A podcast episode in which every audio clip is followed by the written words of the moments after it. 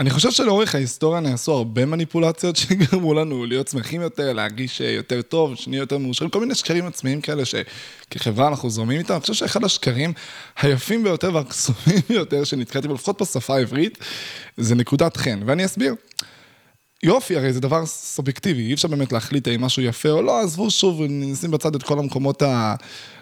שתגידו לי ביולוגים, עניינים, נמשך לפה, שם וזה, נטייה, זה נראה בריא, עזבו, שימו את זה שנייה בצד. נקודת חן זה משהו שלחלוטין היה אפשר לפרש אותו בתור משהו שלילי.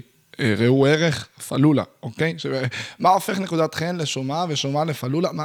יש הבדלים, אבל בין שומה לפלולה, אתם מבינים מה אני אומר? אפשר לעשות רוסטינג, להסתכל על משהו ולעשות לו רצח אופי של הסמכות, ועדיין בחרנו להסתכל על נקודת חן כמשהו קסום. עכשיו, הדבר הזה פתח לי את הצ'קרות. להסתכל על הדבר הזה גרם לי להבין, שאני זוכר ש...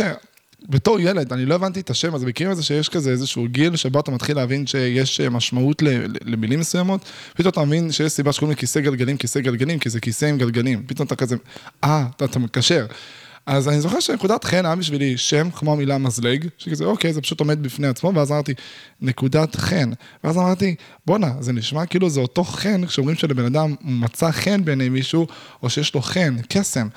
כזה, מה, זה באמת המטרה של זה, המשמעות של המילה הזאת? ואז פתאום נפל לי האסימון, כן, המיל, הנקודת חן באה לבטא את זה שזה, שיש בזה חן, שזה משהו חינני, שזה משהו קסום, נחמד, משהו יפה, לא משהו מעיק או משהו אה, דפוק או לא... או לא רצוי, נקרא לזה ככה. ואני חושב שזה אדיר, כי יש בדבר הזה טמון במש... אגב, חשוב לי לשים את זה על השולחן, כן, לא יודע אם זה ברור לכם. הפרק... הפרק הזה הולך להיות נוכלות אחוז שרמוטה. אז זה לא, אני לא הולך לדבר פה על, אה, לא יודע, אה, על דברים שקשורים לנקודות חן באמת, כמובן.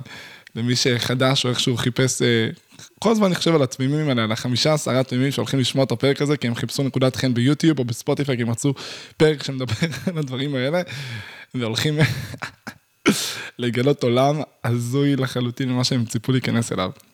משהו בשם הזה מראה על לקיחת החלטה, בעיניי. זאת אומרת, זה בעצם הגדרה, לקחו בחברה, בתוך אותה חברה, שקראו לה הדבר הזה נקודת חן או קסם, אגב, זה לא, זה לא משהו חדש בשפה העברית, אה, שאליעזר בן יהודה או וואטאבר החליט לפני 50-70 שנה שזה משהו קסום, זה משהו שהיה לפני, כן, אה, היסטורית, לפני מאות שנים עוד, אה, כל מיני... בני אצולה או אנשים היו מדביקים לעצמם סוג של נקודות כאלה, כי היה בזה איזשהו קסם מסוים שקראו לו ברמה החברתית, אבל באותה מידה, כמו שדיברתי על זה בפרק שלי פה, אני לא ארחיב, שכל דבר אפשר לפרשן אותו בהקשר של היופי. זאת אומרת, לכו לאוזבקיסטן, אה, או טאג'יקיסטן, סליחה, זו המדינה ששם בחורות בכוונה מגדלות, לא רק בחורות, כולם, מגדלים חד גבה. זה מה שסקסי שם, זה מה שמושך. לכו לג'רבה, שלפני 50-100 שנה, זה אני יודע מה, מההורים שלי, ג'רבה זה היא בתוניס כמובן, כאילו הייתם אמורים לדעת את זה, כן? אה, ששם בחורה לפני שהייתה מתחתנת, כל ערב במשך חודש הייתה שותה כוס שמן לפני שינה, כדי שהיא תהיה מלאה ואטרקטיבית יותר, בשרנית, וזה מה שסקסי שם, זה המודל יופי אה, בג'רבה. ואותו מודל יופי שהיה שם, שהוא חד משמעית לא המודל יופי שאנחנו רגילים עליו היום, שכאילו, שם זה כאילו באמת סטייל בן אדם ששוקל 100 קילו, 120 קילו, זה נחשב כאילו בריא, חזק, יפה. אתם בטח מכירים את זה בכל הסיפורים האלה שאומרים לפני 500 שנה, שפעם אם מישהו שמן, אז היה מראה שהוא אה, מאוד מאוד אה, עשיר, כי רק למי שהיה מספיק כסף היה יכול לאכול יותר ממה שהוא צריך, עד כדי מצב שהוא מגיע למצב שהוא משמין. אוקיי? בעידן של היום זה דווקא מראה על דברים אחרים. אז זה היה מראה על הדברים האלו. ולא צריך ללכת כזה רחוק, אפשר ללכת לפני 50 שנה או 100 שנה, אפילו כבר, נראה לי עדיין זה קורה שם באיזשהו מקום בג'רבה, אוקיי? אה, ומה שאפשר לקרות, אגב, זה משהו סופר מעניין, תחשבו על זה שיש מקומות שעדיין לא התפתחו, שהתפתחו בצורה מסוימת, וכשנוסעים לשם, literally אפשר לראות היסטוריה. דמיינו, אוקיי, בואו בוא, בוא אני אכניס אתכם לאיזשהו vision, סבבה? משהו כאילו ממש כאילו שיפתח לכם את הראש בנושא. תתמכו בזה רגע, שבסוף העולם אוקיי, וואי, נקודה מה זה מעניינת. העולם התפתח מאיזשהו מקום, אוקיי, לא משנה, נניח, נניח הוא התפתח בתוך אה, כל השבר הסורי-אפריקאי, נניח כל האזור של, ה, של אפריקה, אירופה, אסיה, בדיוק בפינה, שם, שם העולם התקבץ, ואז לאט לאט כזה הוא התפשט, כל פעם הלכו אנשים לאזורים, ובסוף, אחרי שהם הלכו לאזורים מסוימים, ו... אני לא אכנס עכשיו למה קרה ברמה ההיסטורית, שכל היבשות התפצלו אחת מהשנייה, ואירואסיה וכאלה, אבל בסוף כל אחד היה בפינה שלו, ולאורך המון המון המון המון שנים, לא היה אפשר להגיע לאזורים מסוימים. נניח, לפני שהמציאו את, את הספינות ואת האוניות, ושבאמת יצאו למסעות, ושיעשו את זה בצורה שאפשר ממש לנסוע למרחק ולפתח ביטחון ולחפש בלי לדעת שיגמר לך כל האוכל, או שפשוט זה, אתם תטבעו בסוף, אנשים יצאו למסעות.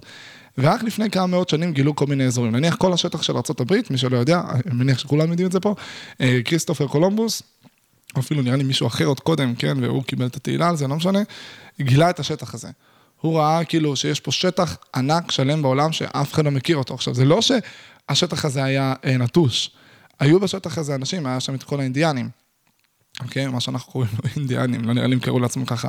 היה שם ממש אימפריה שלמה ששלטה, שבט המאיה, עם אנשים עם תרבות שלמה ואלים ומסורות והמון המון דברים שהתקיימו לאורך אלפי שנים. העניין הוא כזה, נניח באזור אירופה, אז בני האדם התפתחו לכדי מצב של שפה ותרבות בצורה מסוימת, ועם חוכמות מסוימות, ועם מסקנות מסוימות, סטייל, נניח, כן? הגיעו למסקנה, לא יודע, שאפשר לעשות... לא מנוע, כי זה היה לפני 500 שנה, לא, כתב יד, אפשר אה, ממש, אה, אפשר אה, לכתוב ולשכפל ספרים, דפוס, נניח, אני לא זוכר אם, אל תפסו אותי במילה בשום צורה, אבל לפני 500 שנה כבר היה דפוס, ושבט המאיה לא הספיק לעשות את הדפוס, הוא לא, הוא לא הגיע לזה מבחינת תובנה. אז כשאתה נוסע לאזורים החדשים האלה, אתה, אתה fucking נוסע בזמן. אתה הולך וקורא, רואה מה קרה שם, מה קרה בעולם באמת לפני 50, 100, 200, 500, 1,000, 2,000 שנה, אתה מקבל הצצה לאיך בני אדם היו נראים בתוך חיים שלא היה את הדבר הזה. והדבר הזה מטורף, מטורף, מגניב אתה, פשוט יש את היכולת, תתעמקו בזה, איזה חזק זה, שפשוט יש יכולת לנסוע לאזור מסוים פיזית ולראות מה קרה לפני איקס. נניח מי שנולד היום לעידן הסמארטפונים, אין לו מושג איך באמת נראו חיים לפני הסמארטפונים, איך אנשים חיו, איך הם התנהגו, התנהלו, כי פשוט הכל תלוי בסמארטפונים כרגע. בן אדם שנולד בטח במדינה מאוד מאוד מתפתחת, אמ, שממש מכניסה את כל הגאדג'טים והדברים לחיים שלנו, הוא לא מכיר את המקום הזה של אה, אפילו לפני 15-20 שנה, שכדי לדבר עם מישהו, אז היית צריך ללכת אה, מרחק רב או דברים בסגנון, ובמדינות אה, עולם שלישי, שלישי, שלישי, אני של רביעי עוד רגע, שהסמארטפונים בקושי נמצאים שם, למרות שזה כבר לא באפריקה, אנשים נמצאים שם עם סמארטפונים. מה אני יודע? מה, אני זורק את הנתון הזה, כאילו, אני לא יודע, תעזבו אותי, אין לי מושג. אבל... כשהולכים לאזורים האלה, ונניח רואים שם, אפשר ממש לראות את ההיסטוריה קורית מול העיניים, וזה מסקרן לטירוף. תחשבו אותם אנשים שהגיעו לאוסטרליה וגילו אותם אה, אה, לפני 300 שנה בערך, וגילו את אוסטרליה וניו זילנד, הם ראו שם ממש עולם שלם, כל מיני שבטים שחיו בצורה סופר דופר פרימיטיבית, בזמן שהעולם ממש התקדם והתפתח בפילוסופיה ורפואה והמון המון המון דברים, פתאום הם רואים את הדבר הזה שהם מתקשרים, וכשהם רואים אה, משהו כמו, אה, אז לא היה מטוס, אבל כשהם רואים אה, איזשהו כלי מאוד מאוד גדול או מיוחד, הם בטוחים שזה אלוהים, והם מסתכלים על זה, מתחילים להשתחוות, כאילו, דברים ביזאריים, הזויים, דמיינו, כאילו זה כמו... אז זה הכי קרוב למסע בזמן, ש... לחזור אחורה בזמן שאנחנו נחווה. להגיע לאותם אזורים, שאף אחד לא הגיע אליהם עדיין, וכאילו להראות את זה. כבר די הגענו לכל האזורים, אבל אתם מבינים את הכוונה. ויש ממש שבטים עדיין שקיימים היום, אגב, בכל מיני מקומות בעולם. נראה לי באוסטרליה עדיין יש ממש אזור שהאזרבייג'נים אומרים, אני לא זוכר את הש... לא, לא, יש, יש איזה ממש, אה, יש להם שם. נכנס אליהם כאילו הם קופים, יש להם אה, שם. כמו שיש אינדיאנים, אז יש את זה שזה ממש אה, שבט שלם גדול שחי בצורה סופר פרימיטיבית שם. בקיצור, סופר מעניין היכולת אה, לחזור בזמן. אה, אז כשאני מדבר על נקודות חן, אז אותם אנשים לפני כמה מאות שנים, תמיד מרגיש לי כאילו, מי ששומע את זה נשמע כאילו עשיתי קאט, פשוט בצורה ממש טובה, כי אין סיכוי שחזרתי ככה. לפני כמה מאות שנים, אותם אנשים שהיו מדביקים לעצמם נקודות חן, זה היה מתוך מקום באמונה אמיתית שהדבר הזה היה נחשב יפה. וכולת חן, אני לא, אין לי, הפודקאסט הזה הוא לא מידעי, הוא לא, הוא לא טכני, אבל אני סתם זוכר ברמה הטכנית, מה זה נקודת חן? בסוף זה איזושהי נקודה, איזושהי שומה מסוימת שמופיעה לנו, כאילו על הפנים, לא יודע, עזבו רגע את ה... על הפנים או על הגוף כמובן, עזבו את המושגים המדעיים, מה זה אומר, זה בסוף, הפנים שלנו הם משהו מסוים, או הגוף שלנו משהו מסוים, ויש עליו איזושהי נקודה. זאת אומרת, סוג של אה, סמליל מסוים, כאילו הכי קרוב, לא יודע, לקעקוע שהוא מוצ... אה, שהגוף שלנו מוציא, איזשהו משהו שהוא כאילו ממש ייחודי לנו. והיה אפשר לפרשן את זה נורא, אפשר, אפשר לפרשן את זה ממש זוועתי, אפשר לקחת את זה למקומות כאילו של מה זה החרא הזה, זה זוועתי, זה נורא, זה... כמו, אפשר לקרוא את הפרק הזה מבחינתי באותה מידה נמשים. פשוט הסיבה שקראו לו נקודת חן, כי ממש מיתגנו אותו ככה, ואני מרגיש שהרבה פעמים בחיים, יש לנו יכולת להסתכל על דברים מסוימים, ולבחור לראות אותם בשתי, בשתי אופציות, בשתי דרכים, להסתכל עליהם בצורה של אה, האם, להסתכל עליהם מצד אחד במקום של... זה טוב, זה מועיל לי, זה שמח, זה חיובי, ויש את הדרך להסתכל על משהו ולהגיד, וואלה, זה, זה פאקינג נורא. זה זוועה, זה מגעיל, ויש המון המון המון דברים שהם ניתנים לפירוש. והדברים הסובייקטיביים, סטייל, כאילו, מראה חיצוני, וכל מיני דברים כאילו שהם כזה אומנות, ובעיני המתבונן, ובעניין של טעם וכן הלאה, בסוף זה משהו אחד, אבל מה קורה כשמגיעים לדברים שהם יותר, אה, נקרא לזה, אבסולוטיים? סטייל, ברור שסבל זה, זה רע, כל בני אדם מסכימים שהם לא היו רוצים לסבול, או שסבל זה לא דבר נעים שהם היו רוצים לחוות.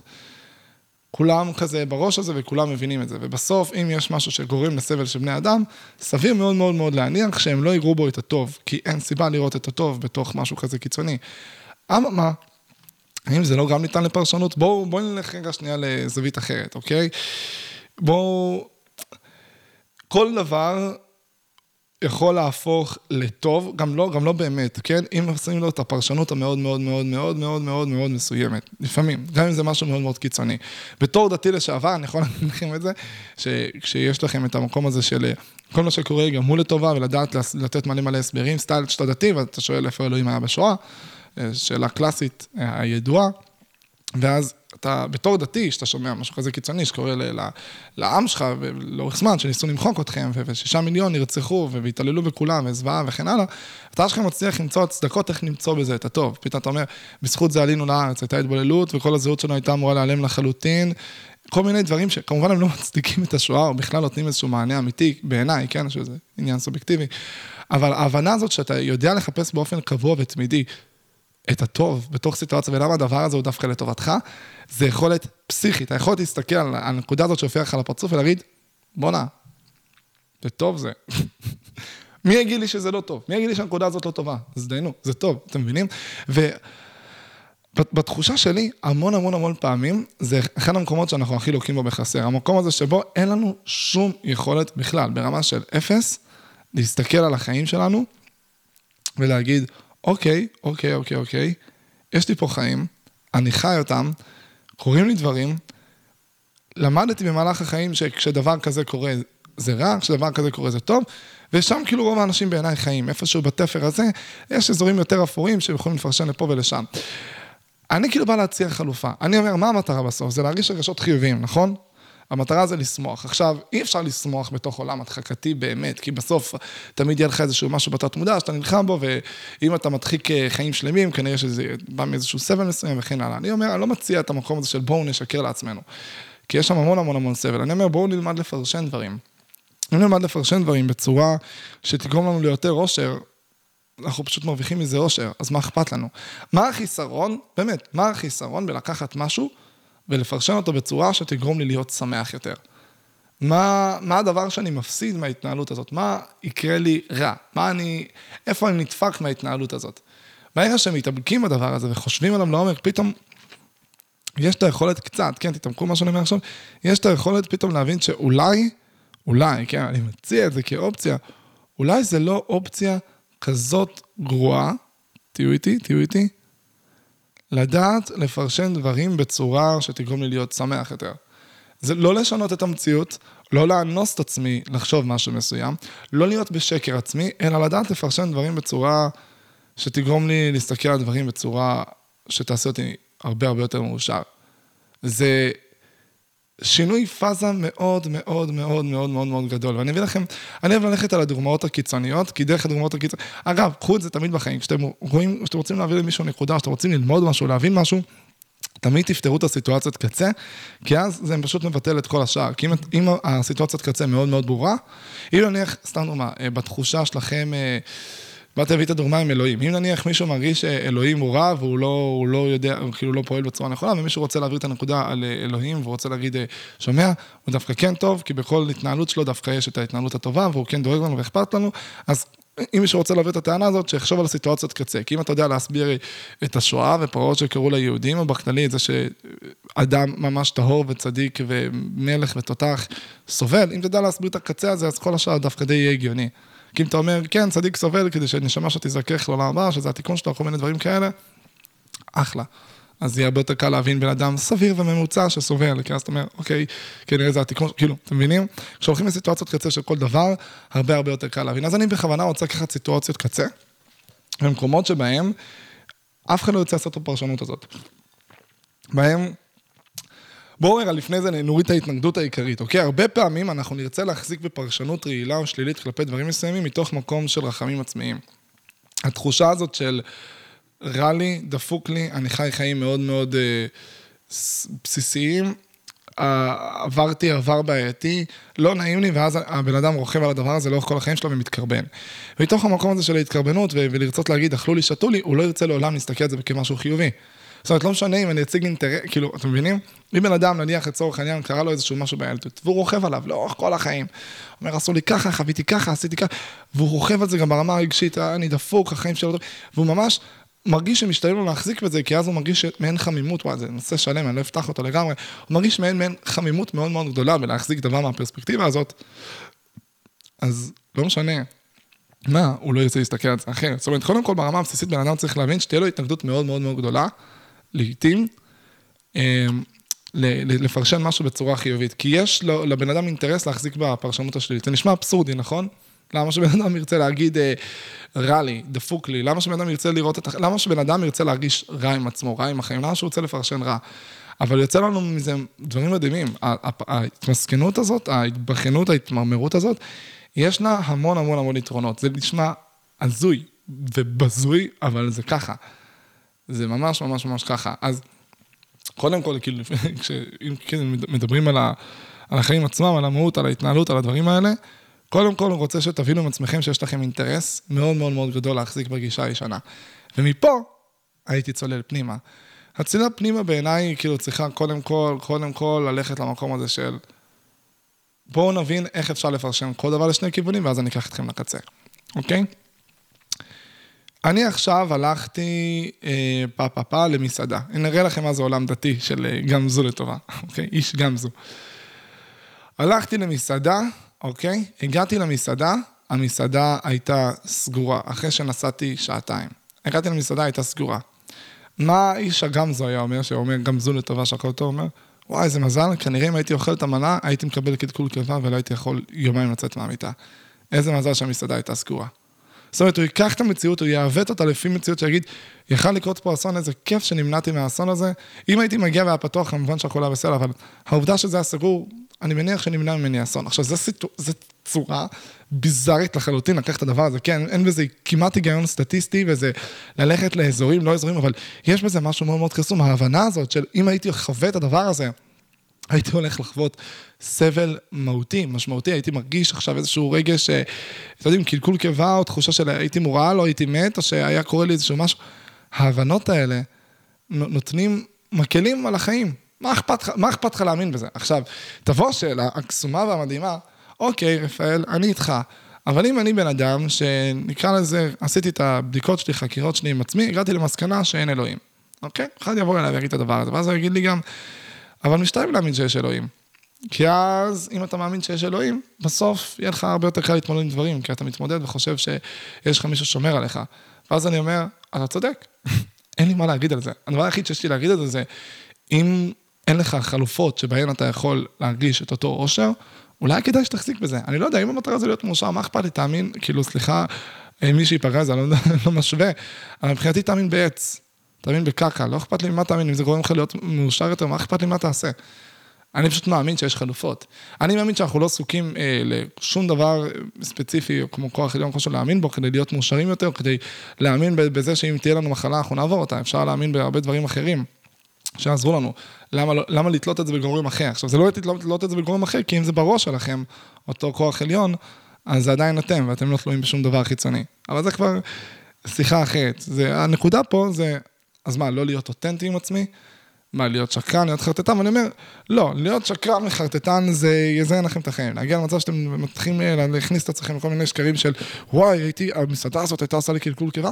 לא יודע, שכל אחד ייקח את השיקול דעת שלו כמובן, אני לא מתערב לכם, אבל האזור הזה של לדעת להסתכל על זה ולפרשן את זה בצורה של, mm, יכול להיות שהיה קורה פה משהו גרוע. אני מעדיף להאמין שהיה קורה פה משהו גרוע אם הייתי עושה את הדבר הזה, או שזה, וואלה, לא היה נעים, או ש... סבבה. כאילו, אז דרך זה הרבה יותר קל להתמודד עם סיטואציות. עכשיו, זה אזורים של שקר עצמי. אותם אני פחות, אה, אה, אני עדיין אעשה אותם, אני, אני פחות ממליץ עליהם כי יש בהם משהו, גורם נורא מטשטש. אני הייתי הולך לאזורים שקורה משהו שבאמת באמת אפשר לפרשן אותו ברמה המיידית כטוב, אוקיי? נניח מישהו עובר עכשיו פרידה קשה, אוקיי? יש לו את היכולת, לה... הוא יכול לפרשן את זה לשני אזורים, הוא יכול להגיד, קרה לי אסון גדול ונורא, כדאי לי אולי לסיים את חיי מרוב שהאסון הזה נורא. אני לא יודע איך להתמודד עם הפרידה הזאת, מאוד מאוד קשה לי, בחיים שלא סבלתי ככה, אני בחיים לא אמצא מישהי כזאת, נהנה, ולהיכנס ללופ הזה. ויכול גם לפרשן את זה ולהגיד, וואו, ניצלתי. או להגיד, וואו, יש לי הזדמנות לשנות את החיים שלי. זאת אומרת, יש יכולת לקחת את אותה סיטואציה בדיוק ולהגיד, אני משנה את החיים שלי, איזה כיף, נפתחו לי הצ'קות, אני חופשי, אני יכול לעשות מה שאני רוצה, ויש אופציה לפרשן את זה בתור סבל הכי קיצוני שחוויתי בכל החיים שלי, אני לא מאמין בכלל שנצטרך להתמודד עם הדבר הזה. יש שתי יכולות, באמת, שתי אופציות כאילו, שאנחנו יכולים אה, לפרשן את הדברים. המון פעמים אני רואה בבני אדם באופן קבוע בוחרים באופציה השלילית. כאילו הם לא מאמינים שיש את היכולת לפרשן את זה אחרת. יש לי דוגמה ממש ממש ממש טובה. חברה, ליה, אני כל הזמן מזכיר חברים בפודקאסט, אותה עדיין לא הזכרתי. הנה, ליה, שוב, ליה, עברה עבר קיצוני, קיצוני של הילדות שלה והחיים שלה, משהו פאקד אפ ברמה, מכירים את הדברים שאתם שומעים בריאליטי? סבבה, אתם רואים איך הבן אדם מגזים בסיפור? אז תכפילו פי עשרת הסיפור, סיפור מחריד, יש בו את כל האלמנטים שאתם רוצים למות מלשמוע את הסיפור. ואז היא עברה עבר כזה, וחיה חיים כאלו, והגיעה לגיל שלה היום, ועם החיים שהיא חיה. והיא ממשיכה לסבול את העבר שלה ולהתעצבן עליו, להתבאס עליו, להתקרבן עליו וכן הלאה. ואז אמרתי לה משהו, כי עברה סוויץ' מאוד מאוד גדול, שינוי רציני. אמרתי לה משהו מאוד מאוד פשוט, שאותו אני אומר לכל בן אדם באיך שאני רואה אותו במצב שלה. אמרתי לה, שומעת? את צודקת. זה באמת נורא מה שעברת. זה אסון, זה מחריד. אני שומע את זה, זה גורם להרגיש מוטיבציה מאוד מאוד גבוהה לעזור לכל האנשים, ש... כל הבני 8, 10, 12, 15 שהיו בגילך וחוו את הדברים האלה ולעזור להם להוציא את המצב הזה מראש, שאני מרגיש ממש זוועה עם זה. אממה, את עברת את זה כבר. זה כבר לא חלק מהחיים שלך. את נמצאת בהווה. זאת אומרת, מהדבר החרא הזה, הנורא הזה, חווית את כל הרגשות השליליים, אני מסכים איתך, זה כבר קרה. החיים לא קורים בעבר. החיים קורים בהווה. החיים קורים עכשיו. ועכשיו יש לך שתי אופציות. או שאת מתנס, מסתכלת על העבר וחיה אותו בהווה, למרות שהעבר הפסיק, את כבר לא בכל המקומות האלה שקרה הסבל הנוראי הזה, זה כבר לא שם, או שיש לך את האופציה השנייה. וזו האופציה של להסתכל על זה ולהגיד, וואו, כדי להפוך לבן אדם מאוד מאוד מאוד מאוד מיוחד, מאוד מאוד מאוד כאילו מדהים, ועוד הרבה רבדים כאלו ואחרים, ועוד כל מיני, קחו מלא מילות תואר, צריך לעבור דבר או שתיים, צריך לעבור שפשוף, שריטה, לא חובה, אבל זה בדרך כלל עוזר וגורם לבן אדם לפתוח את הראש עוד יותר. כי אם בן אדם עובר משהו מאוד מאוד גדול עם ההורים שלו, לצורך העניין, ואז הוא לא מקבל את הסמכות שלהם מגיל צעיר, אז הוא מפתח איזושהי, איזושהי זהות מאוד מאוד חזקה. יודע להתמודד עם דברים, המון המון המון דברים שמקבלים, כאילו, כבן אדם, ש, כשבן אדם עובר איזושהי התעללות או איזשהו משהו, זה מפתח, סבבה? אז להגיד לה, את יכולה להסתכל ולהגיד, נדפקה לי ההתפתחות בגלל שחוויתי ילדות כזאת, את יכולה להגיד, בואנה, הדבר הזה גרם לי להפוך למי שאני היום. אני סופר חכמה, אני סופר מבינה דברים לעומק, אני חזקה בטירוף, יש, אני עצמאית רצח, אני יכולה לעשות מה שבא לי, אני לא צריכה לרצות אף אחד, כולם צריכים לרצות את כולם, אני לא צריכה לרצות אף אחד, אני חיה לבד. כל הדברים האלה ביחד הפכו אותי לבן אדם מטורף. ואז אמרתי לה, שומעת, את בגיל הזה, ותשמעו את, את, את, את המשפט, שתוכלו להסיק ממנו לדבר הזה בכל סיטואציה שיש לכם בחיים. זה הזמן לקצור את הפירות. זה הזמן לקצור את הפירות, זהו, נגמר הסבל. אין לך סבל יותר, הסבל נגמר.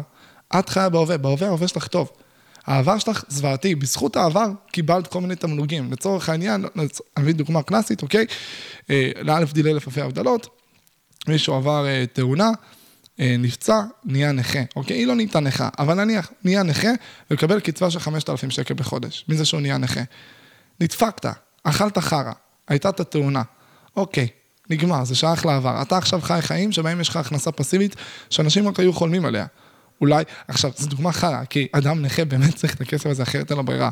אבל טבעת איזושהי, איזושהי חברת ביטוח, כשקרה משהו, והרווחת מזה מהתביעה 2-3 מיליון שקל, ואתה יכול לחיות אחלה חיים. 5 מיליון שקל, אחלה חיים.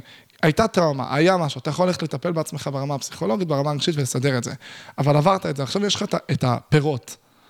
מה אתה בוחר? להסתכל על כל הסיטואציה שלך ולבכות עליה, להתקבל עליה, שאתה הולך וחותר כדי לסדר את החיים שלך, ולהגיד, בואנה, הדבר הזה שקרה הוא אסון, הוא נורא, אני לא מאחל את זה לאויבים שלי. אבל קצת, טיפה, טיפה, יום אחרי הסבל, איזה מגניב שהדבר הזה קרה. cool. כאילו, בזכות הדבר הזה קיבלתי את המתנה, וזה הזהות שלי. בזכות הדבר הזה אני יכולה לעזור עכשיו להמון אנשים במצב שלי. כל כך הרבה דרכים לפרשן משהו אחד, כל כך הרבה דרכים. יש את הדרך של ההתמסכנות, יש את הדרך של הכעס והעצבים. יש את הדרך של ההתקרבנות, יש את הדרך של העוצמה, יש את הדרך אפילו של, של האדישות או של ההדחקה, יש כל כך הרבה דרכים לקחת משהו אחד ולפרשן אותו. ואותם אנשים שראו את הנקודה הזאת על הפנים ואמרו, היי, זה יפה, או נקודת חן, הם פשוט עשו משהו מאוד מאוד חיובי לכל אותם אנשים שיש להם נקודות חן, והם רואים בזה משהו קסום או יפה או נחמד באותה תקופה. למה? ושימו לב לשאלה היפהפייה הזאת, למה שלא נעשה את זה על הכל? למה שלא נעשה את זה על כל דבר בחיים שלנו? זאת אומרת, נדע להבדיל בין טוב לרע, נדע להבין איך אנחנו יכולים להתנהל בצורה שתתרום לנו יותר ותגרום לנו להגיע למצב שאנחנו חיים חיים מאושרים יותר ומה באמת דופק אותנו, אבל בו זמנית, גם להגיד, אוקיי, אני מספיק אחראי, חזק וחכם כדי להבין מה המקומות שבהם זה לא באמת משנה, זה כבר שייך להיסטוריה, ופשוט להסתכל על זה בצורה טובה. מה, בן אדם מתגייס, יש לו את היכולת להגיד, וואי, איזה חרא, הכל חרא, הכל דפוק, הכל זה, ולהגיד, בואנה, יש לי, סתם דוגמה, שנתיים וחצי לעשות חברים, לשנות אישיות, להיות ב vibe אחר, להתפתח, אה, זמן שאני גם ככה, אלף ואחת פרשנויות. המלחמה הבלתי פוסקת שלנו עם העבר, גורמת לנו הרבה פעמים להאמין שאם נילחם בו מספיק הוא ישתנה. הוא לא. העבר לא הולך להשתנות, העבר יישאר שם. הדבר היחיד שאסור להשתנות זה איך תתפסו את העבר, ולהילחם בעבר לא יעזור לשנות את התפיסה שלכם כלפי זה. מה כן? להשלים איתו, לקבל אותו, להבין שהוא לא שייך למה שקורה כרגע, ולהכיר תודה, אז שאתם יכולים להשתמש בו לטובה, בהרבה מובנים. וזאת נקודה חזקה, כי לא כל אחד צריך לעבור עבר קיצוני כמו של ליה. אמ, כדי להרגיש את הדברים האלה. מספיק שאתם עוברים משהו קשה כרגע, או איזושהי טראומה שמלווה אתכם, איזשהו משהו, ואתם יכולים פשוט לפרשן אותו אחרת, או כל דבר שקורה לכם בחיים, פיטרו אתכם מהעבודה, הזדמנות לשינוי אה, מקצוע. הבאתם, אה, נביא דוגמה קצת קיצונית, כן? לא יודע, הבאתם ילד לעולם, ו... לא רציתם אה, בהכרח להביא ילד בגיל הזה, ופתאום אישה שלכם נכנסת להיריון ואתם לא מאמינים בהפלה, יאללה, הזדמנות להביא ילדים בגיל צעיר ולהיות הורה צעיר. ו... תמיד יש דרך לפרשן, זאת אומרת, כל עוד אתם לא בוחרים בדרך, כאילו, נניח בדוגמה פה, של ההעפלה, אוקיי? או של לברוח לרוסיה, זה גזעני זה, לברוח לרוסיה ולהשאיר את האישה שלכם עם הילדה שלכם, איזה רפרנס. אה, להשאיר את הילדה עם, אה, לגדול עם אימא לבד ולברוח לרוסיה, כל אתם לא בורחים בדרך הזאת, ואתם כבר בחיים, אז אל תתבחנו, אין, אין לזה ערך. הדבר העיקרי שיוצא לנו מלהתבחן, העיקרי, העיקרי, העיקרי, זה שאנחנו לפעמים נתבחן מספיק חזק עד כדי מצב שנעשה שינוי, כמו לברוח לרוסיה או, או לבקש מהבת זוג, או לא יודע, לדאוג להפלה, מה זה משנה. כל אתה לא עושה פעולה, אין לך מה להתבחן. תחיה את זה ותנסה למקסם את האושר שלך והרגשות שלך מתוך הסיטואציה הזאת. וזה המקום של... איזה שקר הפרק הזה, אני...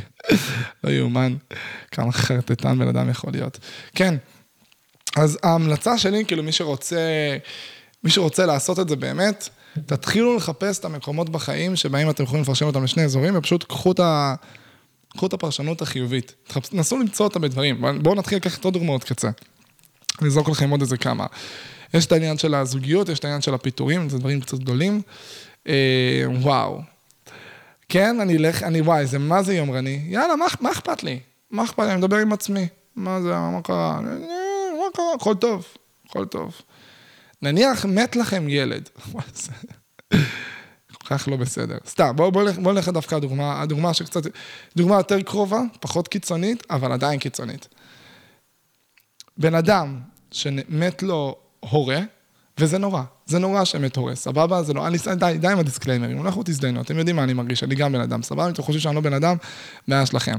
בן אדם שמת לו הורה, אוקיי? בסוף, ההורה נהרג, לא כיף, עצוב, חרא רע, נורא וזה. אוקיי, נורא, להתאבל, לחבק, ל- ל- להיות עצובים, להכין את הסיטואציה, לא להדחיק, אל תעשו לי אה, פרויד וכאלה, תתאמתו עם הסיטואציה, הכל בסדר, סיימתם. שתי אופציות. ההורה שלי מת, אין לי הורה, אני יתום, אני עצוב, רע לי, חרא לי, ויש את האופציה להגיד, מה היתרונות בלהיות בלי הורה? אני לא צריך לרצות אף אחד, אני לא צריך לתת, כאילו בכללי, עניין של ריצון, אני צריך לתת דין לחשבון, אני חופשי לעשות מה שבא לי, ואז פתאום אתה יכול אתה מסתכל ואתה אומר, אני מתחזק יותר, אני לא תלוי באף אחד, פתאום נפתחות הצ'קרות. יש יתרונות ללהיות בלי הורה. עכשיו, יש כל כך הרבה יתרונות יפים לנוכחות של הורה בחיים, ובכללי יש בלי קשר אהבה, אתה אוהב את ההורה, אתה רוצה שהוא יחיה כמה שיותר, אבל יש יתרונות ללחיות חיים שבהם אין לך הורי הורים. וואי, זה משפט קשה, לכו תזדיינו. כן, אני אגיד לכם את זה, מה הבעיה? תתמודדו עם המידע. כן, יש יתרונות לחיות בלי, עם חיים, חיים בלי הורה, זה, זה, זה נורא, אבל כן. יש יתרונות בלחיות חיים אה, שבהם חווית סבל קיצוני ומטורף בילדות, כי אתה מתפתח. לכל חרא, כמעט, יש יתרון מסוים. הכל, אני, אני, אני, אני מנס, ממש מנסה להימנע מלהביא דוגמאות שכאילו בהם אני לא, אין לי walk the talk, זאת אומרת, אני לא בנעליים של הבן אדם, אבל אני בכל זאת אה, אזרוק כזה משהו, גם בסוף, הבן אדם ההוא ניק, נראה לי קוראים לו, שאין לו ידיים ואין לו רגליים, במרכאות, לא באמת, שוב, יש לו יתרון, שאין לו ידיים ואין לו רגליים. כי אם הוא מצליח לקום בבוקר ולעשות דברים גדולים, לעומת בן אדם עם ידיים ורגליים זה נראה מרשים, ותוך שנייה הוא יכול להתפוצץ. יהיה לו מלא מאבקים, כי אין לו פיזית ידיים ורגליים, הוא יצטרך להתאמץ פי כמה. אבל ההצלחה שלו תהיה הרבה יותר גדולה נניח, מאשר... אם, אם עכשיו הוא יהפוך ל, לאדם שעוזר לאנשים להגשים את החלומות שלהם, לעומת אדם עם ידיים ורגליים שיגשים את החלומות שלהם, אצלו זה הרבה יותר מרשים. אצלו כל דבר קטן יבוא עם הרבה יותר סיפוק, בגלל העובדה שזה לא מובן מאליו בכלל שהוא קם בבוקר. זה הזיה. זה הזיה בכלל לחשוב על הדבר הזה, אבל ברגע שלבן אדם אין יד והוא ממשיך, זה הרבה יותר מרשים. הבידול הזה, זה מטורף. זה ישר נותן איזושהי... מה? הישר, כל אחד זורק את עצמו למקום שלו. אם לי לא היה יד, אני הייתי כנראה במיטה עצוב כל היום. כשרואים בן אדם בלי יד וממשיך והכל טוב, יש בזה משהו מרשים בצורה פסיכופתית. אז יש יתרון.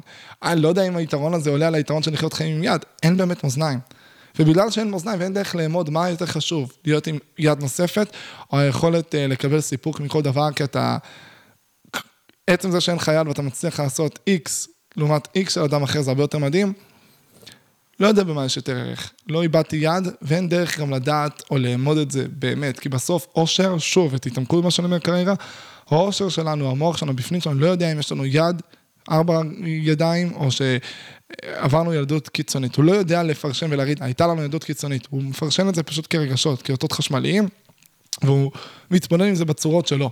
זאת אומרת, אושר זה אושר, שמחה זה שמחה. מאוד מאוד קשה לתפוס את זה, שיכול להיות שאין הבדל כזה קיצוני אה, בין אה, מישהו שעבר התעללות מאוד מאוד מאוד קשה, לבין מישהו שחונך להיות עם נפש סופר דופר רכה וחווה עלבון מאוד מאוד בסיסי.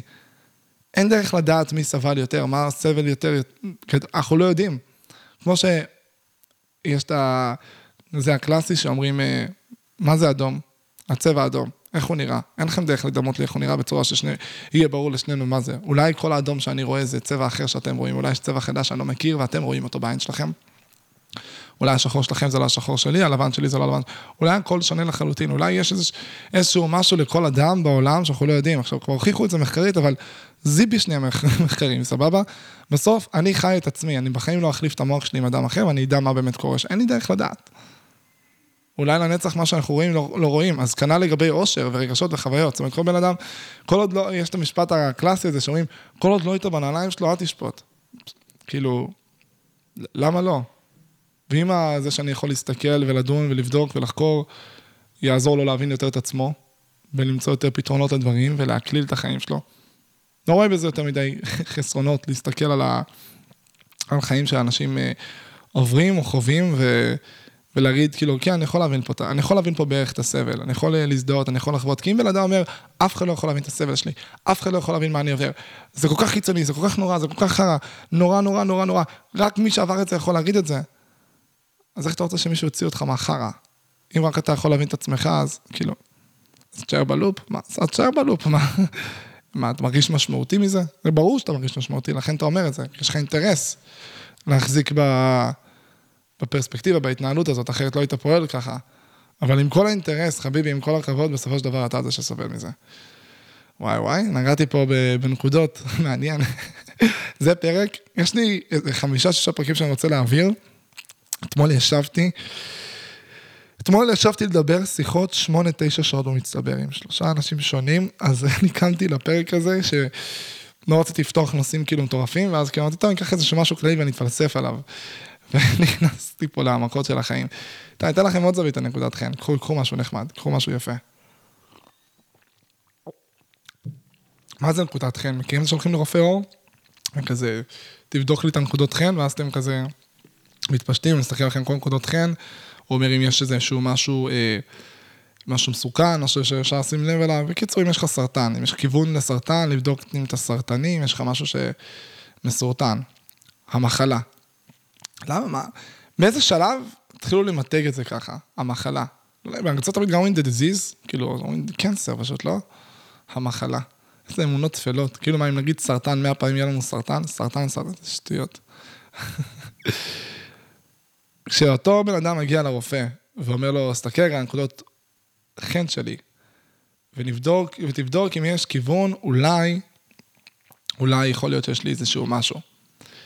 איזה אדיר זה. היכולת פשוט להסתכל בעין, לראות משהו חריג, ודרך הדבר הזה, להבין שיש פה נקודה ולצלול אליה. תתעמקו בעד כמה לא מובן מאליו זה. התעמקתם? כנראה שלא, אבל האנלוגיה שאני רוצה לעשות בו, לעשות פה, זה אנחנו חייבים להגיע למצב הזה שתהיה לנו את היכולת גם, תחשבו, נניח, דמיינו רגע את הסקיל הזה שיסתכל על לכם ולהבין אם יש לכם סרטן או לא, דמיינו אם הייתה את היכולת, אה, אם הייתה לבן אדם יכולת אפילו יותר גדולה, בן אדם עובר לידו, מסתכל ואומר, שומע, יש לך סרטן X, יש לך מחלה Y ויש לך זה Z, הדרך להתמודד עם זה זה 1, 2, 3. אוקיי? אפילו בלי הדרך להתמודד, יש לך 1, 2, 3, בן אדם יכול להסתכל עליך ככה.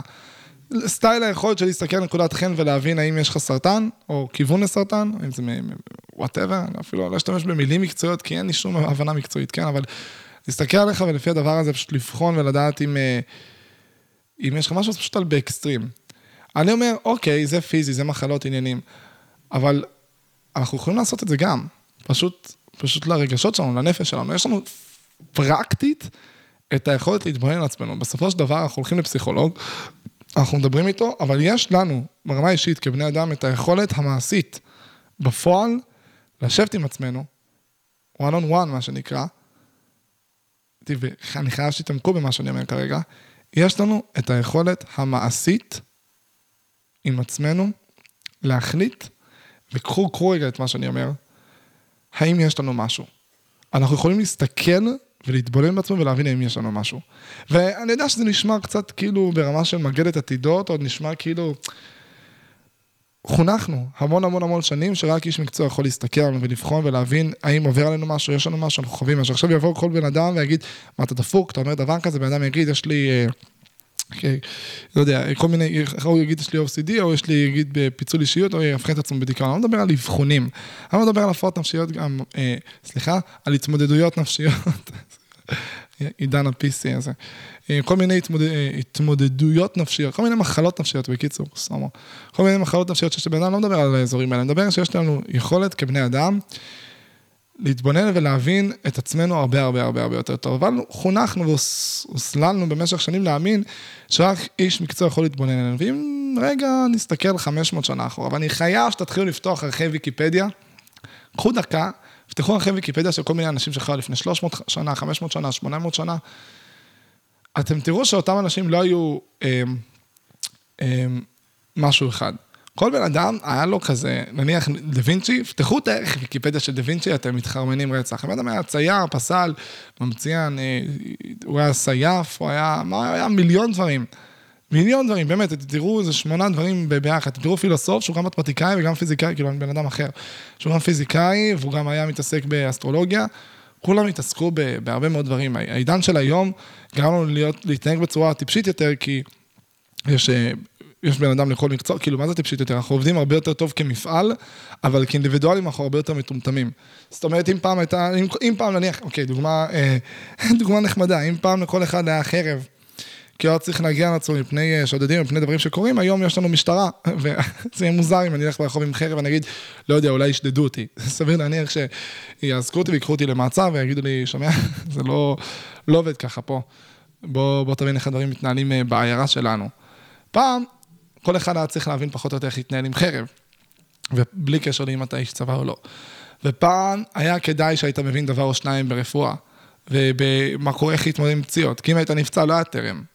היית צריך להבין איך להתמודד עם סיטואציות, ופעם כל אחד היה צריך להיות קצת רופא, כי לא, שוב, לא היה רופא נגיש ולא היה תחבורה. ואז לכל אחד היה כל מיני סקילים. ובגלל ההבנה הזאת שלכל אחד היה כל מיני כישורים, כשאנחנו מסתכלים על זה, קל לראות עד כמה בורים אנחנו היום. היום כאילו באמת לכל פיפס, אנשים מזמינים בן אדם כדי לתלות תמונה. עכשיו זה הגיוני, אבל בסופו של דבר, מה זה? לקחת, להסתכל, לדפוק מסמר, לשים תמונה, זה לא כזה מורכב, אבל על כל דבר, אנחנו נהיינו מפגרים, יש כל כך הרבה דברים שאנחנו יכולים להבין בהם, או לצלול אליהם, וזה, אנחנו, אנחנו בכלל לא רוצים אפילו להתחיל להתעסק בהם, ככה אומרים, זה לא התחום שלי. עכשיו, אני לא אומר שזה לא חכם, אני לא אומר שהעולם לא יתקדם, יתפתח, אני לא אומר ש... אני רק אומר, המטרה בסוף זה אושר. חלק מהאושר מגיע מסקרנות, מגיוון, מלהסתדר, מלהיות חזק, להיות עוצמתי. מי מאושרים יותר, הם או אנחנו במישור הספציפי הזה? וואלה, לא יודע. לא יודע אם יותר כיף להיות טוב ממש במשהו אחד, או שיש לך המון מיומנויות, ואתה יודע להסתדר בכוחות עצמך, ואתה איש חזק שמתמודד עם בעיות לבד, בהרבה מובנים, ולא תלוי באמת בגורמים חיצוניים. אין לי מושג. מה שכן, היום אנחנו פשוט מאוד מאוד מאוד מאוד תלותיים, מאוד מאוד רכים, מאוד מאוד uh, קשה לנו uh, להסתדר ולהתמודד לבד עם סיטואציות. ו... וואו, כל הנקודה הזאת של...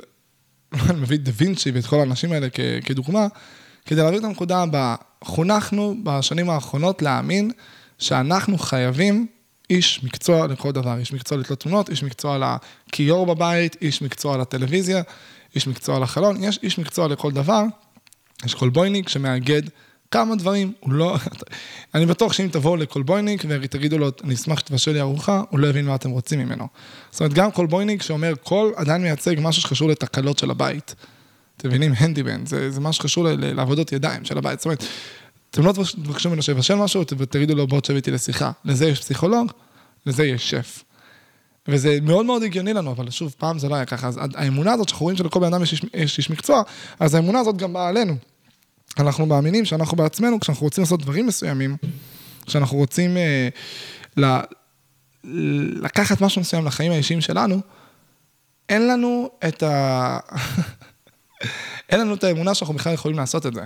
אנחנו ניגשים לדברים מתוך בורות גמורה ומתוך חוסר אמונה עצמית כל כך עמוק, כל כך אקסטרימי, שאנחנו אפילו לא נחשוב או נשקול להאמין שזה התפקיד שלנו בעולם הזה. זה כאילו כל כך שונה מאיתנו. עכשיו, כמובן שזה לא שחור או לבן, יהיה את הבן אדם הזה שיהיה לו ידיים טובות וידע לעשות את זה, ואת ההוא שיבשל, אבל ברמת הכלל, מי שנניח יש לו תחביב או שניים, והוא יודע לבשל, ו, ונניח מאוד מאוד נהנה גם להיות, אה, לנקות הבית טוב, לא יודע, זרמו איתי, אוקיי? לקחתי דימוי של עקר בית, אבל לצורך העניין זה. הוא לא יחשוב שיש לו גם, הוא אמור להיות גם טוב בעבודות ידיים, של לתקן דברים בבית, זה לא, הוא לא יבין גם שהוא אמור לדבר עם עצמו, או לרפות, לרפא דברים מסוימים, או להבין באופן כללי בכל מיני נושאים. לא היה לו את ההבנה הזאת. הוא מבחינתו, אוקיי, זה מה שאני טוב, זה התחביבים שלי. ולמה? למה לא להתפרס? עכשיו, ברור שאין לנו זמן, אנחנו חיים, יש לנו 186 שעות uh, עבודה בחודש, רפאל, תפסיק להיות זין, תתחשב בנו, משרה מלאה והכל, יש לנו המון דברים לעשות, ברור. אני בא לפתוח את הראש על משהו כדי לגרום לנו להבין משהו אחד. אנחנו באמת לא מאמינים שאנחנו יכולים להיות במרכאות פסיכולוגים של עצמנו.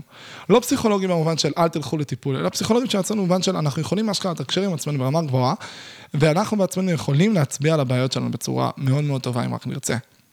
עכשיו, אני לא אכנס לכל הדרך שבה איך בן אדם רוכש את הדבר הזה ומגיע לזה, אני רק רוצה לדבר על הדברים האלה בכלליות, כדי לתת לכם זווית וכיוון למחשבה בנושא הזה. שכל אחד ייקח את זה למקום האישי שלו, שיעשה אינטרפטציה, מה שבא לכם.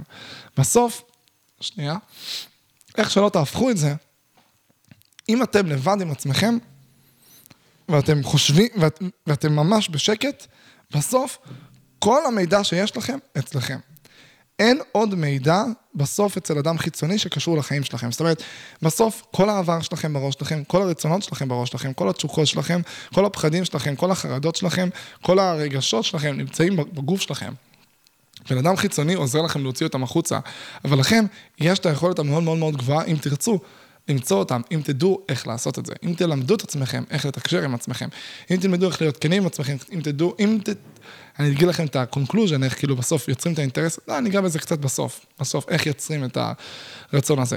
וברגע שלבן אדם יש את היכולת לעשות את הדבר הזה, אז יש לו את היכולת גם בסוף לפתור את הבעיות שלו. יש לו את היכולת לאבחן את עצמו. כמה יפה היה, יכול להיות אם היינו יכולים להיות כמו אותו רופא או שמסתכל על נקודת חן ואומר, יש פה בעיה. כמה יפה היה אם היינו יודעים להסתכל על עצמנו, על התנהלויות מסוימות ולהגיד, יש כאן בעיה. מכירים רד פלגס, פרק 6, סבבה, הדגלים אדומים, שאם גבר נניח דופק משפט מסוים, אובייסטי שזה גבר לא, לא, לא להסתכל עליו, כי בוודאות יש בו משהו אלים. סטייל, דמיינו גבר אומר את המשפט הבא לבחורה, אוקיי? אמ, אני הרשיתי לך לעשות טה-טה-טה-טה? ברור לכם שזה גבר שמאמין באמונה שלו, שהיא קצת הרכוש שלו באיזשהו מקום, שהוא שולט בה. ברור שהדבר הזה גם מקיש על דברים אחרים מבחינתכם. ואז הוא אומר, אני הרשיתי לך. הוא מאמין שהוא האדון שלה. הדבר הזה, זה נורא דומה למישהי שלא מעוניינת להיות בקשר, שבה מישהו הוא האדון שלה, והיא הצעצוע או הטבר שלו. זה אמור להיות נורה אדומה לאותן נשים כשהן שומעות משפט כזה.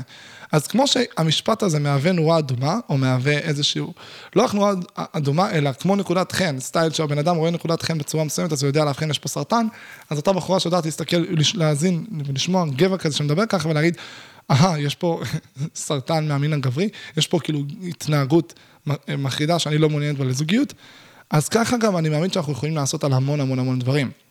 זאת אומרת, אם אנחנו רואים הורה שמסתכל על הילד ואומר, אה, אתה לא מוצלח בשום דבר שאתה עושה, אנחנו יכולים לזהות שיש פה התנהלות אה, מההורה לילד שמקטינה אותו באופן כללי, ואנחנו יכולים להשיג גם על, דינמיקות אחרות שקורות שם. כשאנחנו רואים מישהו אה, שעושים לו בוק קטן, לא כזה מבהיל והוא ממש נבהל, אנחנו מבינים שהבן אדם באופן כללי מבוהל, או אולי אם כזה קצת נצלול, נגיד שהוא קצת חרד מדברים. כאילו, אם אנחנו נשים לב, אנחנו נראה שאנחנו מאבחנים כל הזמן, כמו שאמרתי באחד הפרקים הקודמים, שיש לנו את היכולת לקרוא שפת גוף, אנחנו עושים את זה בלי הפסקה. הרי אם בן אדם בסוף עושה פה פרצוף עצוב, אנחנו יודעים שהוא עצוב. זאת אומרת, יש מקום מסוים ויש רמה מסוימת שבה אנחנו כן יודעים לקרוא שפת גוף ולהבין אנשים. אז יש מקום שבו אנחנו יודעים לאבחן אנשים, וגם יודעים לאבחן את עצמנו. בסוף, אם לצורך העניין מישהו אה, צעק עלינו, ואז אחרי זה אנחנו צעקנו עליו בחזרה, אחרי שנהיה לבד, לבד עם עצמנו, אפילו בתוך הסיטואציה, אנחנו נבין שאנחנו צועקים עליו, בגלל שהוא צעק עלינו והדבר הזה הקטין אותנו, אנחנו רצינו להגן על עצמנו, אנחנו נדע לאבחן את זה פחות או יותר. אז אם אנחנו יודעים לאבחן את זה, למה שלא נדע לאבחן דברים אחרים? ואם אנחנו יודעים לאבחן דברים אחרים, האם אנחנו לא יכולים לפתור הרבה בעיות בחיים שלנו? מה האינטרס שלנו, שאנחנו חיים עכשיו 15, 20, 30, 50 שנה, לא משנה בין כמה מי שמאזין לפרק הזה, בסוף, יש לנו עוד 20, 30, 50, 80 שנה לחיות. למה שלא ננסה להתעמת עם עצמנו ולהבין את הבעיות שלנו כבר עכשיו ולנסות לפתור אותן? איזה אינטרס יש לנו לא לעשות את זה. ופה אני אגע בנקודה שאמרתי שאני אגע בה לקראת הסוף. זאת נקודה ממש מעניינת. בסוף, ואני אגע בה בהרחבה באחד הפרקים האחרים, אם אזכור, אם לא אזכור לא נורא, תשמעו את כל הפרקים, ואחר כך תדעו אם הגעתי לזה בסוף. בסוף, אנחנו אינטרסנטים. דיברתי על זה ממש בקטנה באחד הפרקים.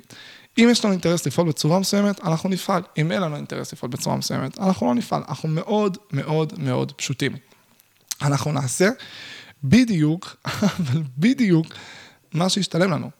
אנחנו נעשה בדיוק את המקומות ש, שבהם אנחנו נבין שיוצא לנו מזה משהו. אנחנו מאוד מאוד אינטרסנטים, זה יותר מזה, זה אפילו לא אנחנו בזהות שלנו אינטרסנטים, כמו שהגוף שלנו פועל מתוך uh, מקום שיש לו רצון.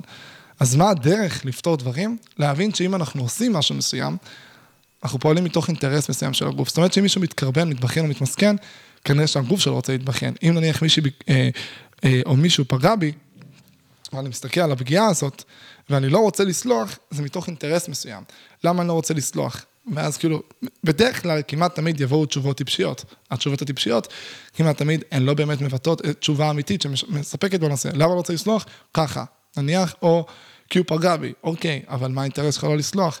כי הוא פגע בי, אוקיי, אבל למה האינטרס שלך?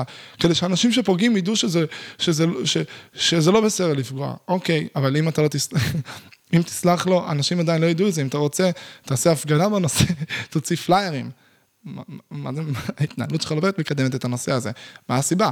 שתדעו לדבר ככה עם עצמכם, תמצאו את האינטרס.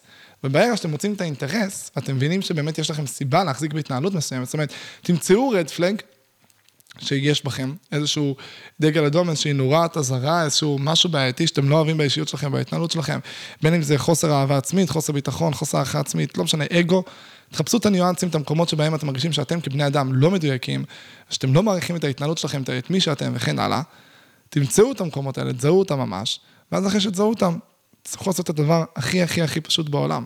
תחפש את האינטרס. וזהו. חיפשתם את האינטרס, פתרתם 80% מהבעיה. אני, אה, פגעו בי, אני לא סולח לבן אדם שפגע בי, כי אם אני אסלח לו, הוא ימשיך לפגוע, אנחנו נחזור להיות חברים, הוא ימשיך לפגוע בי. כי אם אני אסלח לו, הסביבה שלי לא תדע שהרגע פגעו בי ואני רוצה חיבוק. אוקיי, אז אולי פשוט תבקש חיבוק, סתם ככה, ותגיד, אני רוצה תמיכה בלי קשר לפגיעות שלך, ותבקש הערכה, בלי קשר, תגיד, וואי, אני פגוע, אני צריך הערכה, אני לא רוצה להיכנס למוד הזה, אבל אני אשמח שפשוט תחבק אותי. ואם תפחד שהוא יפגע בך שוב, אז מה הבעיה שפשוט תסלח לו, אבל תפסיק לדבר איתו. מה זאת אומרת? פשוט תגיד לו, אני סולח לך, אבל בוא לא נהיה חברים יותר. מה, אבל זה, זה מראה שאני פגוע? לא, לא, לא, לא, לא, לא. זה מראה שאתה חכם. זה מראה שאכפת לך מהרגשות שלך. זה לא מראה שאתה דפוק, זה לא מראה, זה פשוט מראה שאתה דואג לרגשות שלך. זה הכל. זה סבבה ולגיטימי לגמרי לסלוח לבן אדם, פשוט לקבוע עובדה של אתה רעל עבורי. אני סולח על כל מה שעשית לי, ואני סבבה עם זה, ומקבל את זה, ומחבק את זה, אבל בוא לא נדבר יותר בחיים. כי זה פוגע בי. כי הנוכחות שלך בחיים מזיינת אותי ומביאה אותי למצב שאני נדפק ממנה. תמצאו את האינטרס של הגוף שלכם, זה נניח האינטרס כמעט תמיד בכל ההקשר של בן אדם שלא מבקש סליחה.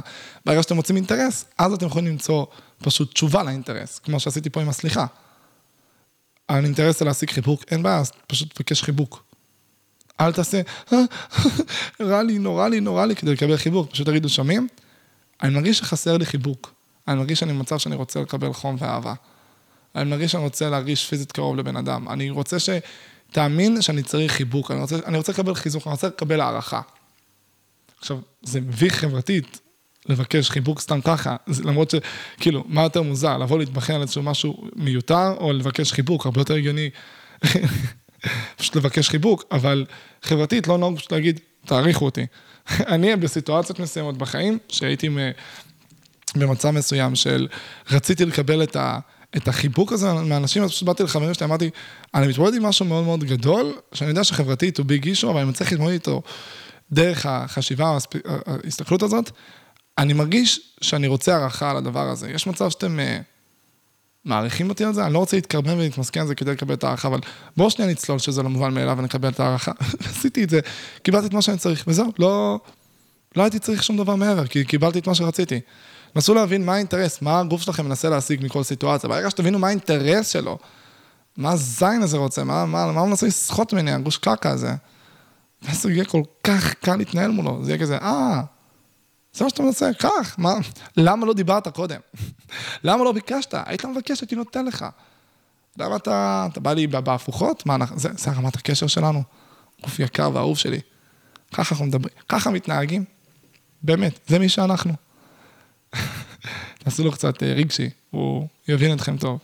באמת, זה, זה כל כך, בסוף, כאילו, שוב, נסו להיכנס לראש שלי, בסוף החיים פשוטים.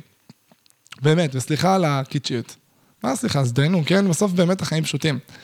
איך שלא תהפכו את זה, שום דבר לא באמת, באמת, באמת, באמת מסובך. ובגלל ששום דבר לא באמת, באמת, באמת, באמת מסובך, אז כנראה שאתם, שלא למדתם עשר שנים פסיכולוגיה, תואר ראשון, שני, ועשיתם סטאז' וכאלה בנושא, כנראה שאתם יכולים לפתור את רוב הבעיות שלכם בכוחות עצמכם. ואם תלמדו להסתכל על הדברים האלה, יהיה לכם הרבה יותר קל. ואז אחרי שמצאתם את האינטרס, שימו לו את האינטרס הנגדי, תנסו אה, ליצור אינטרס יותר גבוה בהתנהלות השנייה. זאת אומרת, אם נניח אני פגוע ממשהו מסוים, אז סטייל, קחו דוגמה, אני תלוי באדם שיבקש ממני סליחה, כי אני רוצה, שבקש, אני רוצה שהוא יבקש ממני סליחה. נניח, אחת מהסיבות שאנשים רוצים אה, להיות פגועים, זה כדי שהבן אדם השני יבקש מהם סליחה. אוקיי? למה הוא רוצה שיבקשו ממני סליחה? כי הוא מאמין שאחרת הם לא יוכלו להחזיר את המצב אחורה, מול הבן אדם הזה. אז להבין עם עצמך, האם אני רוצה לחזור למצב אחורה? האם אני רוצה להיות בקשר טוב עם הבן אדם הזה? האם אני בכלל רוצה אותו? יש אנשים שכל כך נאחזים בדמות מסוימת שהייתה מולם לאורך השנים. נניח בן אדם חווה... אה, כאב מאוד מאוד גדול מפרידה מסוימת. הוא מסתכל על הדבר הזה וכל כך רוצה לאחוז במה שהוא חווה לפני הפרידה. מישהו שיש לו איזשהו קשר בעייתי עם אחד ההורים, כל כך רוצה לאחוז באמונה שההורה הזה ישתנה או יקבל או יכיל את, ה, את המצב הקיים, כל כך רוצה, הוא כל כך נאחז בזה. שהוא הוא, הוא לא, הוא לא, הוא לא רוצה לסלוח, הוא לא רוצה לסלוח כי הוא אומר, אני לא אסלח, ואז הוא יבין את הטעות שלו, ואז אנחנו נתחבר. מה? זה לא יקרה. ההשלמה עם זה שזה לא יקרה, גורמת להבין שהאינטרס כבר לא קיים. ביטלת את האינטרס, זה לא יקרה. הלאה. מה הסיבה שלך להמשיך לרצות אה, שיסלחו לך? פתאום זה מתברר פתאום הרבה הרבה יותר קל להתמודד עם הסיטואציה. יש לנו את היכולת לעשות את זה. כל מה שאני עושה עכשיו בפודקאסט ואני מדבר ומעמיק וחושב וזה וזה, זה כי אני פותח את הפה ומדבר. אתם רוצים להגיע לתובנות האלה ולחשוב גם, תלמדו לשים את הטלפון המזדיין בצד ולצאת להליכה של חצי שעה, שעה, שעתיים, שלוש. לשבת עם עצמכם שעה, בלי שירים, בלי טלוויזיה, בלי מחשב, בלי טלפון, בלי אנשים, בלי הסחות דעת, בלי כלום, לכו לטבע מבחינתי. עכשיו חורף, אבל, אה, אבל עדיין, לכו לטבע, אז תלבשו ארוך. תתבודדו עם עצמכם, בהתחלה לא יצא לכם כלום, אבל אחרי חצי שעה, שעה, שעה וחצי, יזוז משהו. והפעם השנייה יזוז עוד משהו, שלישית, חמישית, והדבר הזה יתגלגל עד שאתם לאט לאט תבינו הרבה יותר דברים על עצמכם. וכשתבינו דברים על עצמכם, יהיה לכם הרבה יותר קל לחיות את החיים. בסוף המטרה זה להיות מאושרים. ואם אתם יכולים להיות, בסופו של דבר יש, אה, יש את ההוא שיודע, אה, היום, יש את ההוא שיודע להגן עליך, שזה שוטר, ויש את ההוא שיודע להחליף נורא בבית שלך, ויש את ההוא שדואג אה, לזה שלא יהיה לך אה, אה, התמודדויות, מחלות נפשיות, אוקיי? ושתהיה מאושר יותר. בסוף, אוקיי, אתה לא רוצה להיות הבן אדם שמחליף תנועה, אתה לא רוצה להיות הבן אדם הזה שמתקן את התריס, אתה רוצה להיות אפילו הבן אדם שמבשל על הכיפאק. אבל למה שלא תהיה הבן אדם שדואג לאושר של עצמו? למה שלא תהיה הבן אדם הכתובת לעצמך?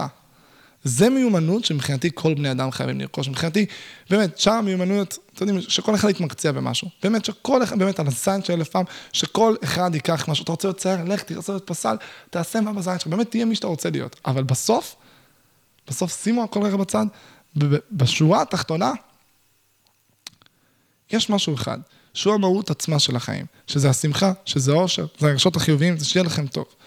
ואם הדבר הזה כל כך חשוב, חשוב שכל אחד מאיתנו יתמקצע, כי לא משנה כמה פרופסורים, פסיכולוגים, פסיכיאטרים, תשימו, שקיף אתכם 1, 2, 10, 100, 200 אלף. בסוף, רק אתה מכיר את הניואנסים. ורק אתה יכול להבין את כל הדברים ברמה של לצלול עמוק עמוק לנפש ולהבין תוך שנייה להגיד, יוריקה, מצאתי, אני יודע בדיוק מה זה ומה מדובר. ואם כבר להתמקצע במשהו, אז להתמקצע בזה.